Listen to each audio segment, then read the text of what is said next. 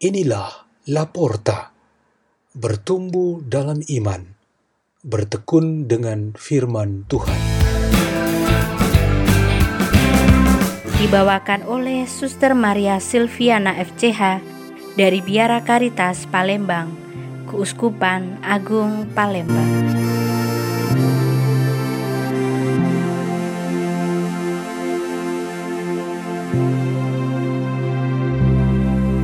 Bacaan dan Renungan Sabda Tuhan hari Senin dalam Pekan Suci 29 Maret 2021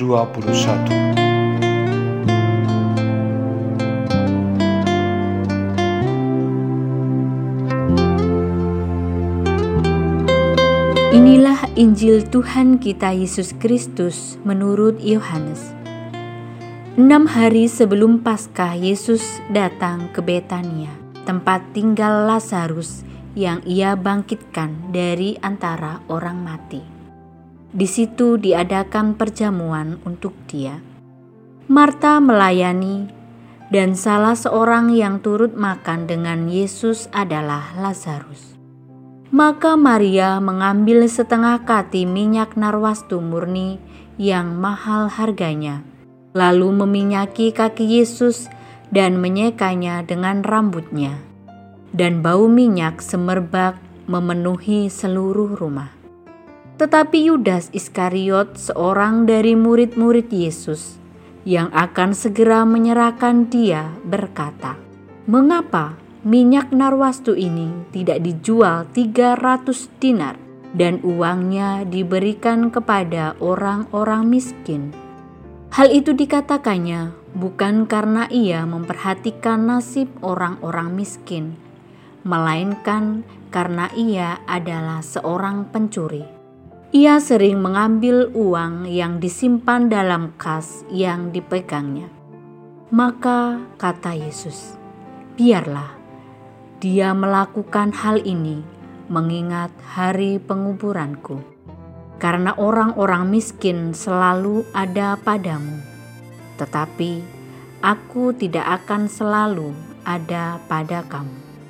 Banyak orang Yahudi mendengar bahwa Yesus ada di Betania, maka mereka datang bukan hanya karena Yesus, melainkan juga untuk melihat Lazarus yang telah dibangkitkannya dari antara orang mati.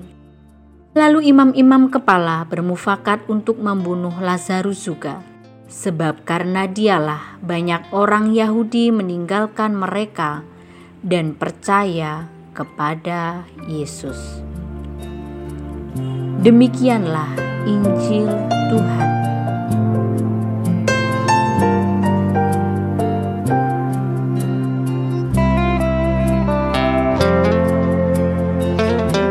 Renungan kita pada hari ini bertema kasih tak bertepi. Ada banyak contoh kasih yang tidak bertepi. Salah satunya ialah yang dilakukan oleh salah seorang teman dekat Yesus bernama Maria, yang melakukan sesuatu kepada Yesus apa yang hanya dapat dilakukan oleh cinta. Ia mengambil harta paling berharga yang ia miliki dan menggunakan itu hanya untuk Yesus Kristus. Contoh lain ialah ibu dan bapak yang membesarkan anaknya dengan penuh kasih, menyekolahkan dan mengantarnya sampai anak itu dewasa dan membentuk rumah tangga sendiri. Cinta seperti ini adalah cinta yang tidak bertepi. Tindakan ini bukan sebagai kewajiban atau suatu perbuatan membalas cinta, tetapi sebuah perbuatan cinta yang dilakukan hanya karena seseorang ingin mencintai. Cinta seperti ini yang dilakukan oleh Tuhan, karena hakikat Tuhan ialah mencintai. Perbuatan Maria terhadap Yesus mestinya tidak boleh dilakukan seorang wanita Yahudi di muka umum. Ia melepaskan rambut panjangnya terurai. Ia membasahi Yesus dengan air matanya Menurut aturan adat Yahudi, seorang wanita pada hari perkawinannya harus mengikat dan menutup rambutnya. Sementara itu, bagi yang telah menikah, melepaskan rambut terurai di muka umum merupakan tanda yang sangat tidak sopan. Tindakan Maria itu tentu saja menjengkelkan semua yang ada di sekelilingnya, kecuali Yesus.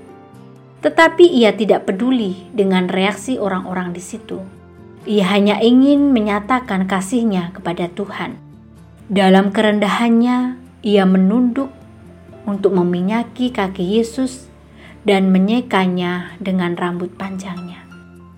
Tindakan Maria ini meninggalkan kesan kepada kita, yaitu bagaimana dan sudah berapa kali kita menunjukkan wujud terima kasih dan cinta terbesar kita kepada Tuhan karena minyak wangi itu seluruh isi rumah penuh dengan keharuman. Keharuman dan keindahan itu mengisi seluruh rumah, baik secara fisik maupun secara rohani. Hanya kasih tiada bertepi yang dapat melakukan ini. Hal ini cukup untuk menggambarkan bahwa seorang manusia seperti Maria dapat berbuat kasih yang sama dengan kasih Tuhan Yesus Kristus. Tidak mustahil bagi siapa pun dari kita melakukan hal seperti yang dilakukan Maria.